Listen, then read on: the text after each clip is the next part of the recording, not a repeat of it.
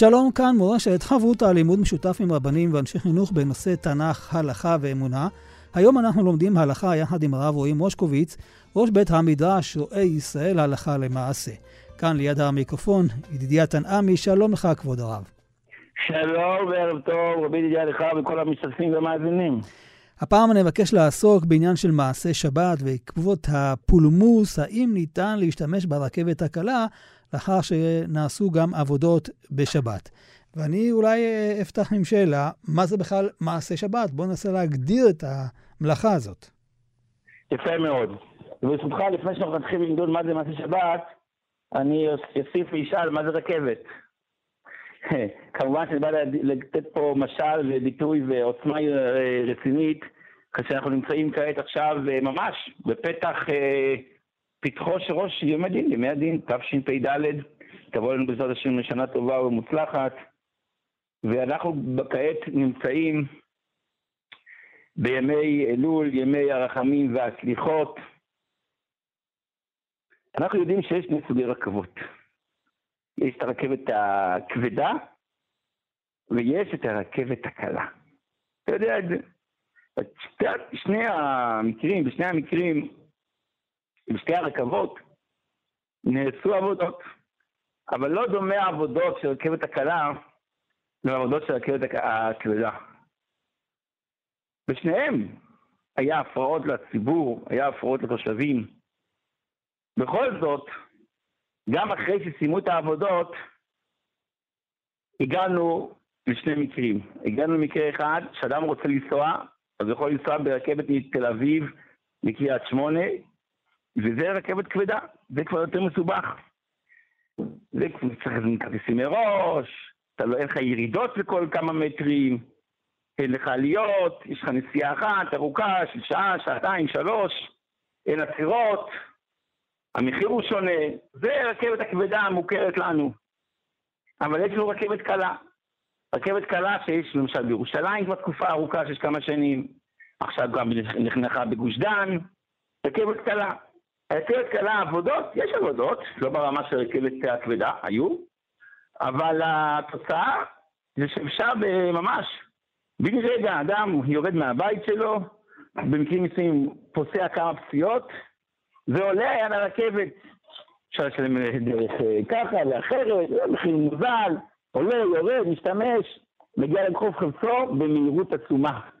מה שפעם לקח נסיעה של, אני לא מגזים, של שעה ורבע, היום ב-20 דקות נגיע ממקום למקום, נגיע מתל אביב לבת ים, מפתח תקווה לבת ים ב-20 דקות ברבע שעה. לא נתפס. זה רכבת קלה. ואם אני אקח את המשל הזה, שהוא לא משל, הוא מציאות של חיינו, לחיי היום-יום, לחיי חודש אלול, אנחנו נגלה, אומר הרמב"ם, אף על פי שכל פעם שאדם רוצה לשוב בתשובה, הוא יכול לשוב בתשובה. כל השנה כולה. אלא שתשובתו קשה. תשובתו של ידע קשה, הוא יכול לשוב של כל רגע נתון. אדם תמיד יכול לשוב כל רגע, לבחירות יבחננו. אלוקי יש מה שאתה בתורה היא, כל יום ויום אדם יכול לשוב בתשובה וצריך לשוב בתשובה, כי אתה לא יודע מה, מה יהיה ומה עשית במשך היום.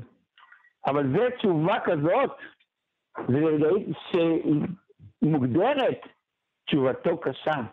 כי אותה רכבת כבדה, אפשר לנסוע, אבל זאת נסיעה ארוכה. כבר לא לרדת בכפכפים מהבית ולהיכנס לרכבת, לקחת ציוד, צריך לקחת אה, חומר מחשבה על שעתיים, זה לא יכול ככה, זה לא נסיעה שאתה עושה כל יום, כל רגע, שמתחשק לך. זה כבר יותר צריך את הזמן ואת המחשבה, איך וכיצד, ואם זה מתקבל, לא מתקבל. אבל יש זמן שתשובתו קלה. כמובן, בעשרת ימי תשובה, ועל אחת כמה וכמה בימים האלה, כאשר אתה רגע לפני אירוע יום הדין, שאתה יכול ממש על ידי פעולות מסוימות קלות הרבה יותר, להגיע למחוז חפצך ולזכות לשנה טובה, ליום דין טוב. Mm-hmm. וזה התפקיד שלנו בחודשים האלה. כבר לא חודשים, כבר פחות מחודש נשאר לנו עד יום הכיפורים. בימים האלה למעשה, בשבועות הספורים שנשארו. ממש לתפוס את ההזדמנות של אותה רכבת קלה, של אותה רכבת תשובה, שדרשו השם בהימצאו כראו בהיותו קרוב, דורשים חז"ל, דרשו השם בהימצאו בזמן שהוא מצוי, בזמן שכביכול מה שהביטוי היום ידוע, המלך בשדה, כאשר הוא יורד לעם ונותן לנו דרך תשובה מהירה. בואו, אתה רק תקבל עצמך לשוב בתשובה, וכבר נכנס לתוך הרכבת, יכול לרדת בתחנה הראשונה בראש השנה, או בעשרת ימי תשובה, או ביום כיפור וזהו, אתה מקבל שנה טובה לכל השנה כולה. את זה צריך ללכת ולנצל. ורק אני אוסיף בדברי הטור שאומר, נהגו ישראל לצום, מנהג אשכנז הוא כותב, בערב ראש השנה, ואז מגיעים למחילת שליש מהעוונות. ולאחר מכן, בעשרת ימי תשובה שוב צמים, מקבלים מחילה לעוד שליש עוונות. וביום הכיפורים שוב צמים ומקבלים את המחילה הסופית על כל השליש האחרון, שזה כל השלם. שואל הבית יוסף, מה זאת אומרת? וכי ערב ראש שנה דומה ליום כיפור? פה שליש, שם שליש. כמה הסברים נאמרו בזה, אחד ההסברים המקובלים לומר שלא דומה השליש הקל יותר, הראשון. אתה יודע, אדם עשה התנהג טוב, התנהגות טובה בכלא, שלא יודע, אדם נותנים לו שליש, נותנים לו שליש והוא משתחרר. אחרי כמה זמן הוא משתחרר? לא מיד, משתחרר אחרי תקופה. שליש הראשון יותר קל למחול, שליש יותר קשה, שליש אחרון, לגמור לאדם להוציא אותו לחופשי לגמרי, זה כבר שליש אחרון, וזה יותר כביכול קשה, אפשר להגיד שלעבירות יותר קשים. זאת אומרת, אנחנו מבינים מכאן שיש פה שלבים, יש פה תחנות עלייה וירידה לכל אדם ואדם מאיתנו. דומה מאוד לרכבת הקלה, יש פה איזה רכבת מהירה, שכל מי שיעלה עליה יכול להגיע לשנה טובה, להצלחה, לסייע דשמיא, לחלק רוחני גבוה יותר ממה שהיה. וזאת רכבת האלול שכבר יצאה לדרך.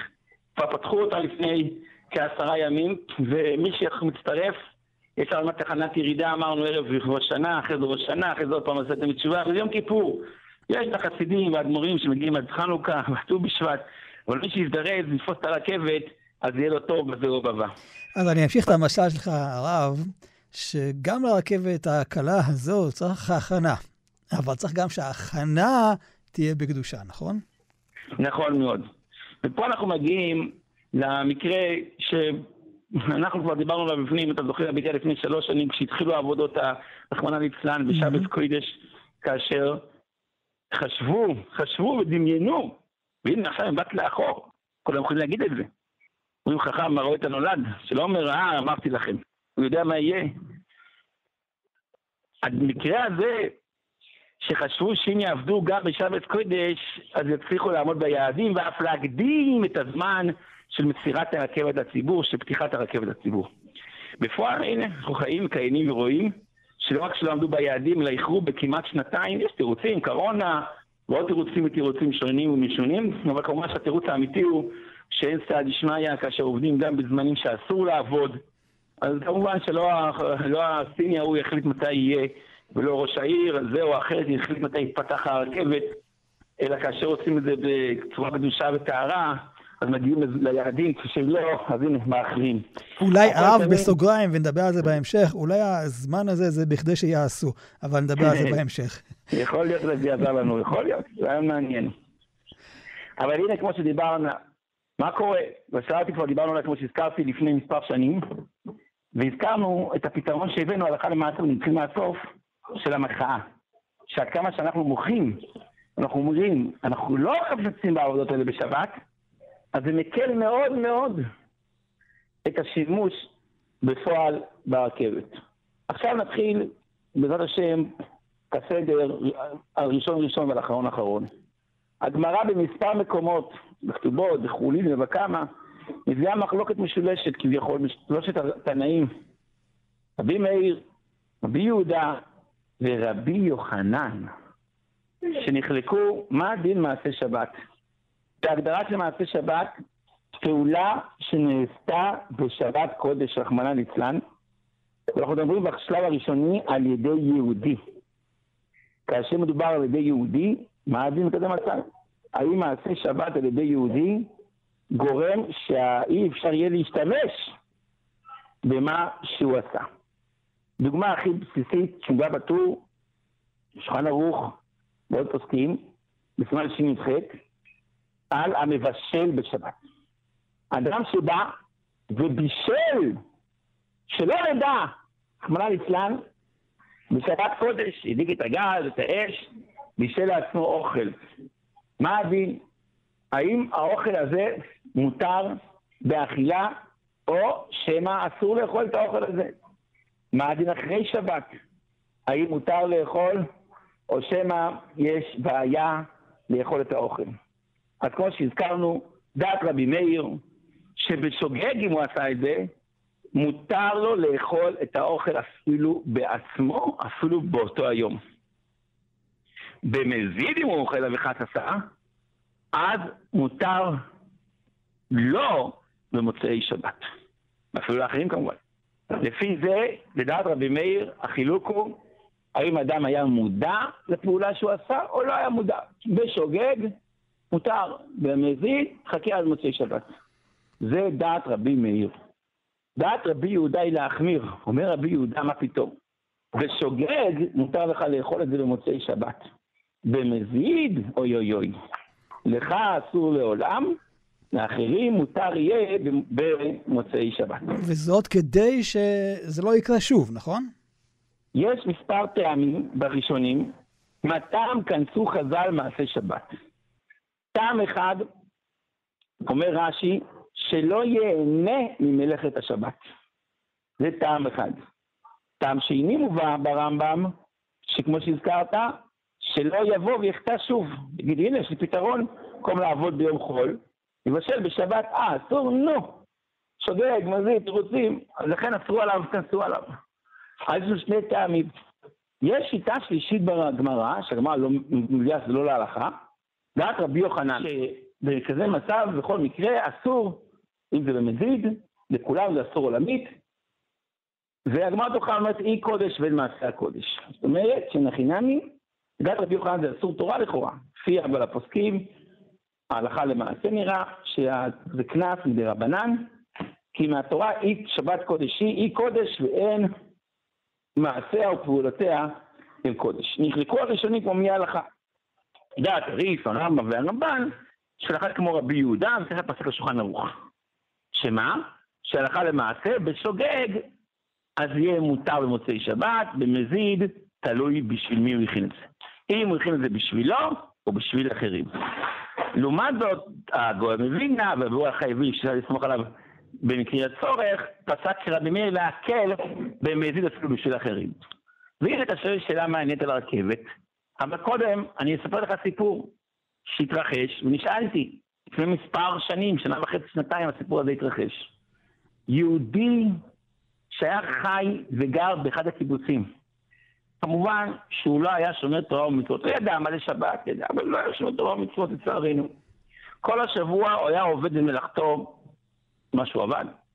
אבל היה לו הובי, מה שנקרא תחביב. התחביב שלו היה להכין ליקרים. ליקרים מאתרוגים, ליקרים מדובדבנים, ליקרים משאר דברים, שזיפים, טוב. אותו בן אדם הכין ליקרים, מתי הוא מכין את זה שלא נדע? שבת, יש לו חופש. יש לו חופש, סוף שבוע, ככה אצלם זה מוגדר, סופש. מכין ליקרים. הליקרים, לא, קצת משאיר לעצמו, אבל רובם היו למכירה, היה לו סחורה טובה. ואנשים קנו ליקרים, כמובן בלי הכשר, ליקרים של אותו אדם.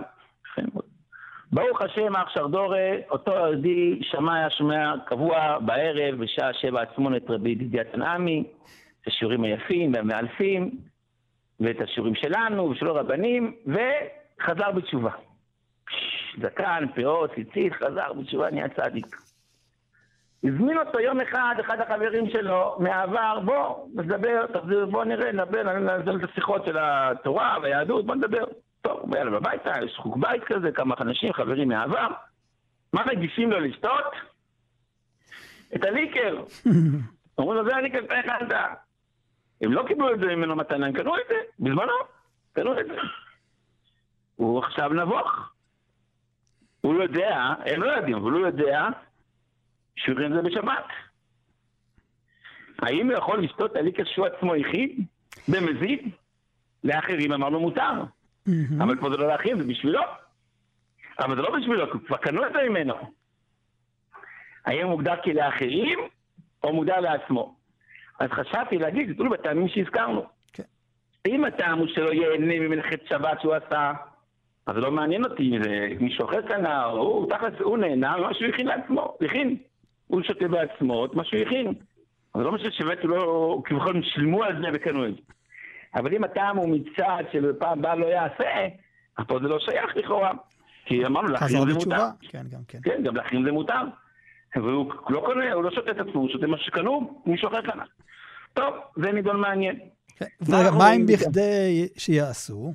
בכדי שיעשו לא שייך ביהודי. אין כזה פתרון כמעט, זה אולי משתברה, בזכות בשום אחד המקרים, אבל במקרה סטנדרטי אין פתרון שבכדי שיעשו. בכדי שיעשו זה פתרון, כבכל אני קורא לזה, במקרה שגוי עושה בשבילך מלאכה, שפה המלאכה בעצם היא לא נאסרה, כי גוי עשה את זה, נתנו לך איזה קנסון קטן של בכדי שיעשו, שלא פעם הבאה תמשיך עם זה. זה כאשר גוי עושה פעולה. כאשר יהודי עושה פעולה, אין מושג שבכדי שיעשו.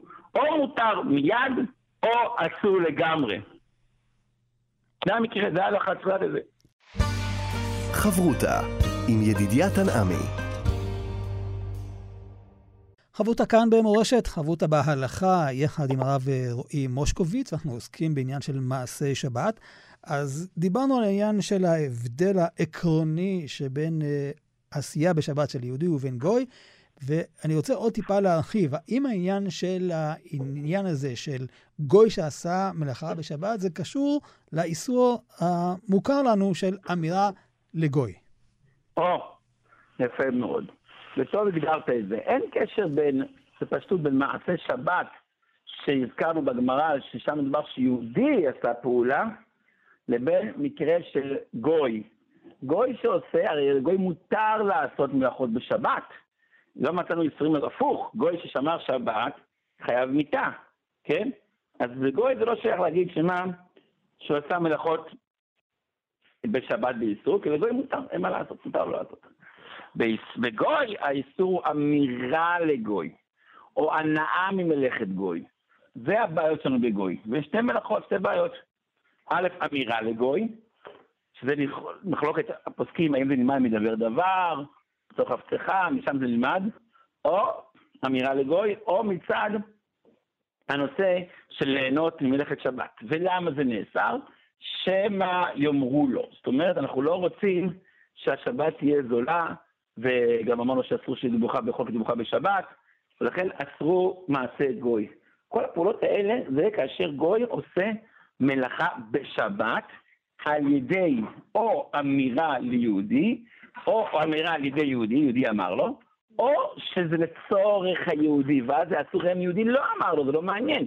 אם גוי עשה לצורך יהודי, אותה פעולה נאסרת בהנאה. לדוגמה, אומרת הגמרא על רבן גמליאל והזקנים, שהיו בספינה, והספינה רצילה להם איך לרדת, באו גויים ושמו שם כבש. אז פה השאלה אם מותר לרבנן, לרבן גמליאל והזקנים, לרדת מהספינה באותה שעה, אומרת, מה תלוי? אם הוא עושה את הכבש לצורך עצמו, ואתה ממשיך עם מה שהוא כבר עשה, אין בעיה. אבל אם, אתה, אם הוא עשה את זה לצורך היהודי, זה בעייתי. זה איסור של הנאה בשבת. והשאלה היא כמובן היא רחבה מאוד, ואנחנו נגיע באמת לרכבת הפועלים הסינים שעשו פעולה לכאורה על ידי אמירה, כי ביקשו מהם. זהו, כאן אולי לא הרב, זהו, הרב צריך ל, אולי לדייק כאן, שאנחנו מדברים על אמירה לגוי, זה לאו דווקא שאני אמרתי לו בשבת תעשה לי מלאכה בשבת, אלא גם קודם השבת, נכון? נכון מאוד. גם אם אמרת לו בערב שבת, אמרת לו, תעשה לי פעולה בשבת, זה בעייתי. אבל במקרה שלנו, אנחנו נגיע לזה בהמשך, האם מדובר שזו הסיטואציה? כי לא אמרו להם תעבדו בשבת, אמרו להם תפעילו רכבת, תפעילו רכבת. השאלה אם יש כאן קבלנות. בקבלנות. מוגדר בקבלנות. האם גם בק... זה שעבדו בשבת, זה היה מותר לנשיא המדינה, כמובן שאסור, אבל זה על פי דעתם. הם יכלו בגדול להביא אלף סינים או על מיליון סינים, וביום אחד לגמור את הרכבת, כמו שהם בונים שם בסין, מגדלים בתוך שבועיים, מגדל של 20 קומות, או בתוך חודשיים, כמו שפורסם. אז זה שהם עבדו בשבת זה כביכול הדעתא דנפשי. ולכן, משום כך, נחלקו הפוסקים במקרה הזה. אז אם יכול להתקדם, מה הדין? אדם עשה מעשה בשבת. האם מותר ליהנות ממלאכתו? פה אני רוצה לחזור טיפה איתך למקרה של יהודי. יהודי שהשם ישמור יודע חילל שבת. אמרנו, מעשה שבת אסור ליהנות. לדוגמה, ניגש אליי לפני כחצי שנה בחור, חיקור ממתקים, כולו מחמדים, הוא מספר לי שברוך השם, בסעד דשמיא, הוא לומד בישיבה קדושה. הוא התחזק מאוד. ההורים שלו חילוניים שלא נדע עדיין, אבל הוא מאוד מאוד מתחזק, והוא לומד בישיבה קדושה. הוא מספר לי לתומו שכל מוצאי שבת, אימא שלו מבקרת אותו, מביאה סלים, ההורים, האבא והאימא מביאים סלים עם אוכל, לחזק את גופו. הוא אומר, האוכל כשר, בד"ץ. אמרתי לו, מתי האוכל הזה בושל? הוא לא יודע. תבדוק, ביררתי. הוא אומר, השם ישמור, מבשלים את זה בשבת קודש. הדין כמובן שהאוכל הזה אסור באכילה. כי הם את זה בשבילו, בשביל הבן שלהם, אסור לאכול. אבל מה קורה אם אדם לא בישלו בשבילו אוכל בשבת, אלא הביאו לו באוטו אוכל בשבת. הסיעו לו את זה בשבת. זה מצוי, דרך אגב, הרבה בעיני הצבא, שהאוכל כביכול מבושל, מוכן לפני כן, רק הם מעבירים את זה בתוך המחנה, עם רכבים, כן. יפה. בצבא, או לפעמים בקידושים או בכנסת, חסר איזה פותחן, אז מישהו נוסע להביא מהבית פותחן. עד בכזה מצב, איסור חמור כמובן. האם זה דומה למקרה שאדם למשל שכח לכבות את האור במקרר? אז הוא לא יכול לפתוח את המקרר. מה קורה אם מישהו פתח ומזיד שלו לדע? את הדלת. שם קרר. האם מותר להוציא את הסלטים? אז פה הביאור ההלכה מביא שהדבר הזה מותר. למה? כי זה לא קשור לא לאוכל נס... עצמו. יפה. כי לא נעשה מעשה בגוף הדבר. זה משהו חיצוני. הדלק של המתקרר, ולא האוכל עצמו, ולא בישל בשבת. כמו למשל שמבשלים אוכל, לוקחים אוכל ומבשלים אותו, זה בעיה בגוף הדבר. פה זה משהו חיצוני, יפה מאוד. האם גם להביא באוטו? אז מפסקים דנים מה קורה אם זה בתוך התחום, נו, בסדר. אז בעיקרון זה לא נעשה דבר בגוף הדבר ואפשר לעכב. מה קורה אם הביאו לך את זה מחוץ לתחום, שלא יכולת ללכת לשם או להביא את האוכל בעצמך. פה לכאורה זה כמו גוף הדבר, ולכן יש פסקים שמחמירים. אי לכך, ובהתאם לזאת, אני רציתי לדון, מה קורה כשבונים את הרכבת? מה בנו? הרי הרכבת עצמה, לא בנו אותה בשבת. היא מוכנה כבר, היא באה היא מוכנה. את מה בנו? את המסילות. את המנהרות אולי, גם לא בנו הכל. אה, אפשר להגיד שהכל נבנה בשבת. אה, פעולות מסוימות בשבת. האם זה נקרא כפעולה בגוף הדבר שעושה ברכבת? שאלה מעניינת, כן. אולי נוסיף כאן, אולי יש גם בטל ברוב, הרי רוב העבודות של הרכבת לא נעשות בשבת. כן. אז איך אני יכול לבוא ולדעת בדיוק מה השפיע על הנסיעה? נכון, עכשיו זה מוגדר כקבוע, קבוע על כל כמות סכמי אדם, נכון? כן, נכון. כן, זה צריך לדון בהגדרות האלה, נכון מאוד. אז לכן חשבתי אולי ישראל להקל. אלא שכותב השולחן ערוך, שבית שבנו אותו גויים בשבת, טוב להחמיר ולא לגור בו. וזה נושא מאוד מאוד חשוב. זה לא אחת ולא שתיים, שאני רואה פעולות שעושים שלא נדע בשבת קודש קבלנים חכמים, כמובן על ידי ערבים, על ידי פועלים אה, עובדים זרים, אבל זה שולחן המפורש, יש להחמיר ולא לגור בו. שמואל לא נכנס לבית שבנו לו בחול המועד, עד כדי כך.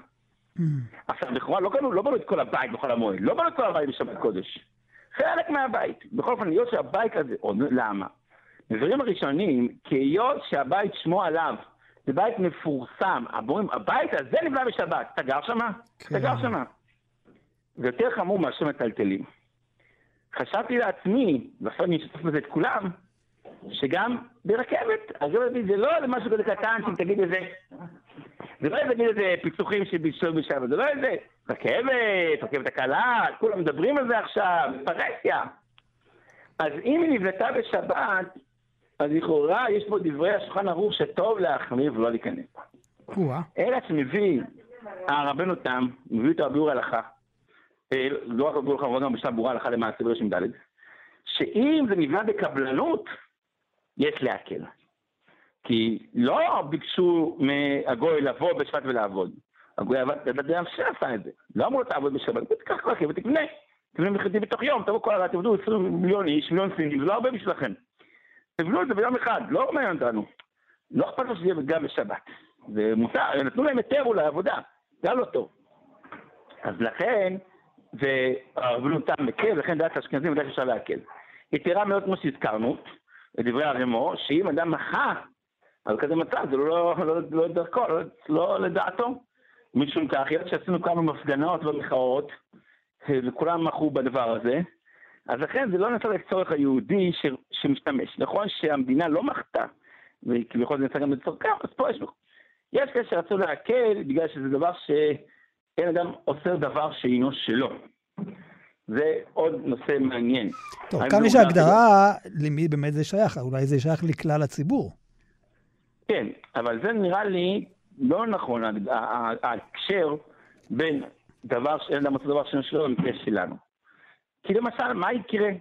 יבוא ראובן, או שמעון, או מקרה אחר גוי, מוחמד, ייכנס לבית של הרב, ויכין שם אוכל מהקמח והביצים והדגים ששייכים לכבוד הרב שליטה. האם האוכל הזה יהיה מותר? את זה בשבת שלא נדע מה ליצלן. האוכל הזה יהיה מותר? ודאי שלא. כי כל הפולמוס שאין אדם עושה דבר שלו שלו, זה לא כאשר נעשה מעשה בגוף הדבר, נעשה מעשה בעצם הדבר. לא עשה שינוי בעצם הדבר. זה שייך, אם אדם, אמרנו, מדבר זרה, מנסח, זה עוד נושא. אבל אם אדם עושה, אם כל המהות של הדבר נעשתה באיסור, זה לא מעניין שזה לא שלך, כי זה נעשה באיסור. ולכן אני חושב שזה לא שייך למקרה, אם נגיד, אם נניח זה מוגדר כנעשה באיסור, אז זה לא מעניין שזה לא שייך, או שייך לאותו אדם, או לציבור, או, או, לאותו, או לאותו אדם שעשה את זה, ולכן אין מקום להקל בדבר הזה. אז לכן, משום כך, יש שכתבו יש פוסקים שהקלו, ככה נראה לעניות דעתי, כן להשתמש, אבל מי שרצה להחמיר, החמיר בכדי שיעשו, וזה באמת, כמו שהזכרת, פטנט בשביל הגויים. ביהודי זה לא שייך, אבל בגוי שעושה פעולות, אז במקרים מסוימים אנחנו אומרים, בכדי שיעשו. איך אפשר להגדיר אבל כאן בכדי שיעשו? או, אז לוקחים כמה שנים נבנה הרכבת שלוש שנים, בכל שבת, כל שנה יש 50 שבתות, 50 כפול שלוש זה 150, לוקח 150 ימים, אז לא 150 ימים, כי זה היו חצי ימים, אז 150, אחרי זה 95 יום.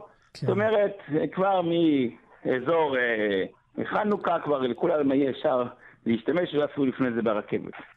שוב, אם אנחנו נתפוס את השולחן ערוך כפשוטו, שדבר שבפרהסיה, שנמצא בחילול שבת, אה, יש להחמיר ולהימנע, אז באמת, מי שרוצה להחמיר, אז יש לו במה להיאחז בדברי השולחן ערוך הזה. כל זה כמובן, רבי דידיה, היום בדיעבד. אבל כמה אנחנו צריכים להזדעזע, לא האם מותר לנסוע או לא לנסוע, זה עוד נושא. אנחנו צריכים להזדעזע מעצם הפעולה שנעשתה בשבת בריש גלי, באל מפריע, ועוד החוצפה שרוצים לפתוח את הרכבת בכלל, יש כזה צד, אבא מינה, של נסיעה בשבת. זה הדברים היותר צריכים לזעזע ליבו של כל אדם בכלל, ובפרט כעת, ערב ראש השנה. חברותה עם ידידיה תנעמי. חברותה בהלכה כאן אה, במורשת, ואנחנו יחד עם הרב רועי מושקוביץ, ועכשיו אנחנו ננסה לדמות את מעשה שבת בעניין הרכבת לנושאים שהם אה, ביום-יום, שאנחנו כמעט כבר לא דנים על זה, למשל שימוש אה, בחשמל בשבת, ואנחנו יודעים שהרי עובדים לצערנו הרב בשבת, יש כאלה כל מיני נסמכים על היתרים. בעניין של פיקוח נפש וכדומה, אז בואו ניכנס לסוגיה הזאת, כי זו סוגיה באמת שמתגלגלת בנושאים נוספים. נכון מאוד. והנה, כמו שהזכרת, חשמל כשר, שרב חיים כנראה זכר צדיק של ברכה, מאוד מאוד הקפיד על זה, ואמר שזה דבר שהוא בסיסי לקנות ולהיות, שיהיה לאדם חשמל כשר. חשמל כשר זה יכול להיות או על ידי גנרטור, או בהרבה מקומות ראיתי שפשוט קונים נורות חירום, ומפעילים אותם בשבת בלי חשמל, תורת חירום מה שמוגדר.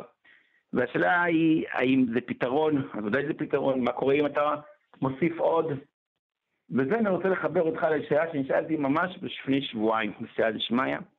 שאלה מאוד מעניינת, שאלה אמיתית, מעשה שקרה, וכמובן שהשאלה הזאת באה לפתחי אחרי שכבר המעשה נעשה, אבל זה נותן לנו מבט איך להתייחס להלכה. מה שקרה, ישבו משפחה באחד מערי הארץ בשבת קודש, ולא רק שהמשפחה הייתה, אלא גם הוזמנו אורחים רבים. בערב שבת, הילדים, או מי שהגיע שם, אורחים, שיחקו שם בשעון שבת של המזגן. שיחקו, הורידו, יצאו, טוב, אבי המשפחה לא ידע מהמשחק הזה, בערב שבת באופן אוטומטי הוא בא והדליק את המזגן. הדליק את השלט עם המזגן, כרגיל. לא עובר חצי שעה מתחילת סעודת שבת, והמזגן כזה. חם מאוד, השבתות לא היו, לא היו קלות, היו שבתות חמות. אז ביקש, אבי המשפחה, מאחד הילדים, לך תקרא לזה גוי. צורכי רבים, חם מאוד, תקרא לגוי. שהדליק את המזגן. קרא לגוי, קרא לגויה, אישה אחת באה עם כלב, הדליקה את המזגן, הדליקה את השלט, את הדם, הכל מסודר.